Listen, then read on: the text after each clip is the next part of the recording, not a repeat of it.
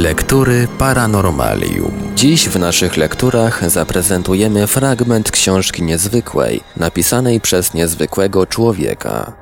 Moje widzenie świata ojca Andrzeja Czesława Klimuszki, polskiego kapłana, franciszkanina, wizjonera, jasnowidza, medium i zielarza. Książkę tę na naszej antenie zaprezentujemy w odcinkach w całości. Odmienność rasy. Obiektywną ocenę jednostki ludzkiej utrudnia nam również odmienność rasy. Japończyk, student Uniwersytetu w Krakowie, pisze do swoich rodziców w ten sposób. Polacy są bardzo mili, dowcipni, gościnni, ale mam jedną trudność w pożyciu z nimi, że nie potrafię odróżnić jednego od drugiego. Wszyscy są do siebie podobni. Jedynie mogę odróżnić ich po nosach, bo mają zbyt długie, lecz o niejednakowym wymiarze. My znowu na odwrót z trudnością odróżniamy Japończyka od Chińczyka, a już Eskimosów i Murzynów, a zwłaszcza Hotentotów i Bushmenów widzimy wszystkich jako identycznych pod względem wyglądu. Oni zapewne widzą nas tak samo. Kolor skóry, odmienność budowy twarzy, identyczność uwłosienia, typowość rasy, niska kultura, to wszystko jak barwny reflektor zaciera cechy indywidualne jednostek. I gdzież tu jest obiektywizm?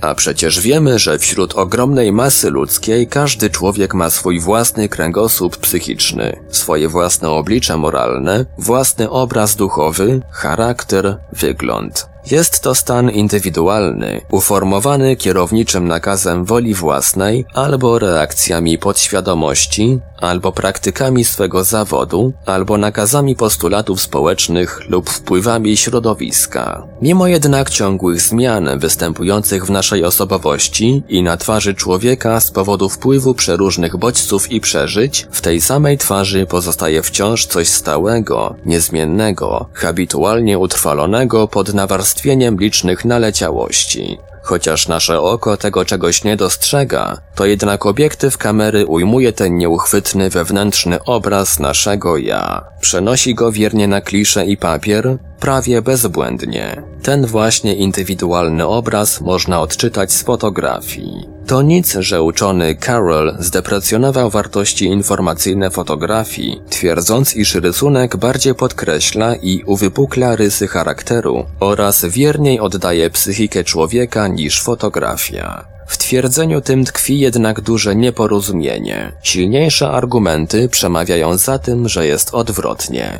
Najlepszy obraz malarski, najwierniejsza rzeźba nie oddadzą wiernie osobowości człowieka w całej pełni tak jak fotografia. Braknie w obu sztukach autentyzmu. Będzie w nich więcej podmiotowości osoby twórcy niż przedmiotowości osoby odtwarzanej. W każdym dziele przejawia się jego twórca, który nas zmusza patrzeć na nie jego własnymi oczyma. Nawet taki geniusz jak Leonardo da Vinci przedstawia zwykle wszystkie prawie twarze kobiece mocno do siebie zbliżone podobieństwem, jak gdyby kopiowane z jednego modelu. Poza tym artysta uwypukla specjalnie jakiś jeden upatrzony z góry rys charakterystyczny twarzy ludzkiej w celu podkreślenia jej indywidualności z pominięciem cech drugorzędnych. Fotografia natomiast ujmuje całość.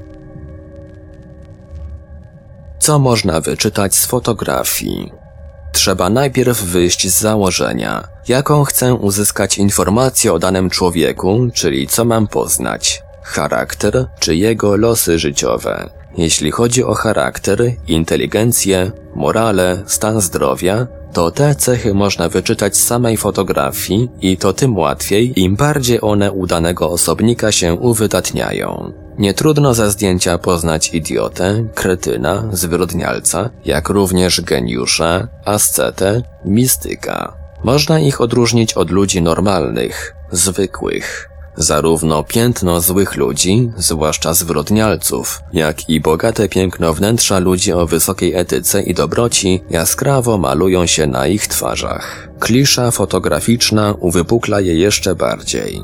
Gdy chodzi o osobników krańcowo odrębnych psychicznie, każdy potrafi to odczytać z ich zdjęć. Sprawa komplikuje się, gdy zdjęcia dotyczą ludzi przeciętnych, zwyczajnych lub zamaskowanych. Na to potrzeba uzdolnień parapsychicznych. Ale nawet dla jasnowidza fotografie niektórych osobników są trudne do rozszyfrowania. Wiele jest osób takich, których twarze na ich zdjęciach reprezentują się w aureoli szlachetności, a w rzeczywistości są to osobniki demoniczne. Nie jeden osobnik, chcąc ukryć swe wady przed najbliższym otoczeniem, stara się uwydatniać sztucznie jakąś zaletę jako antytezę wady, przez co z czasem wypracuje fałszywy rys szlachetny. Inny znów człowiek, z natury swojej zgorzkniały pesymista, zgnębiony jeszcze dodatkowo licznymi cierpieniami, w obawie przed całkowitym załamaniem wyrobi w sobie pewien optymizm i spokojne spojrzenie na życie. Teraz fotografia tego człowieka wykaże podwójne odbicie jego wnętrza, podwójny obraz psychiczny.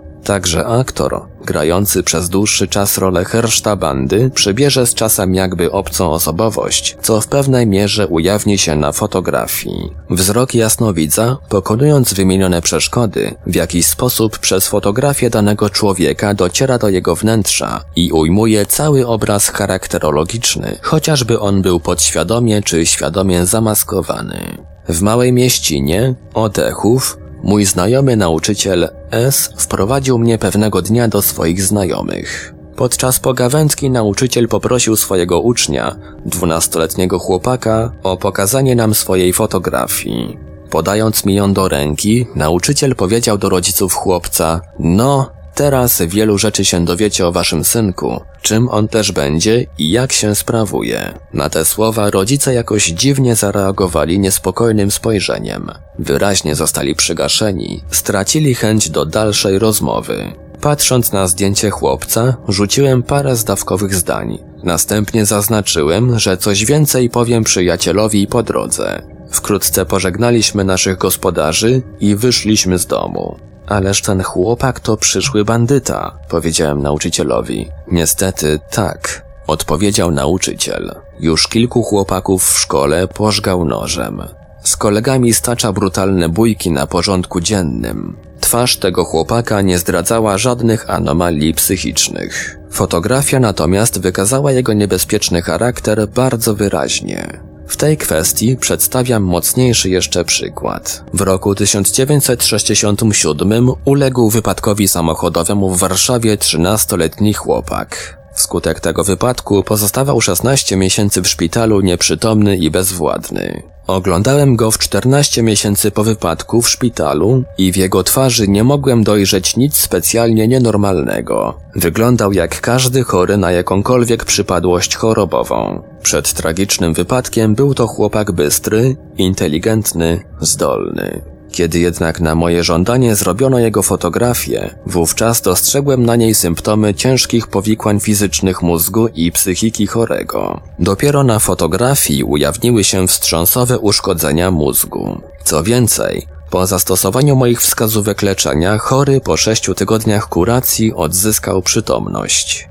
I co ważniejsze, w miarę jego powolnego wracania do zdrowia, każda fotografia, co pewien czas robiona, najwyraźniej wykazywała polepszenie stanu zdrowia fizycznego i psychicznego. W praktykach z dziedziny parapsychologii nie chodzi o poznanie charakteru człowieka na podstawie jego fotografii, lecz o jego losy.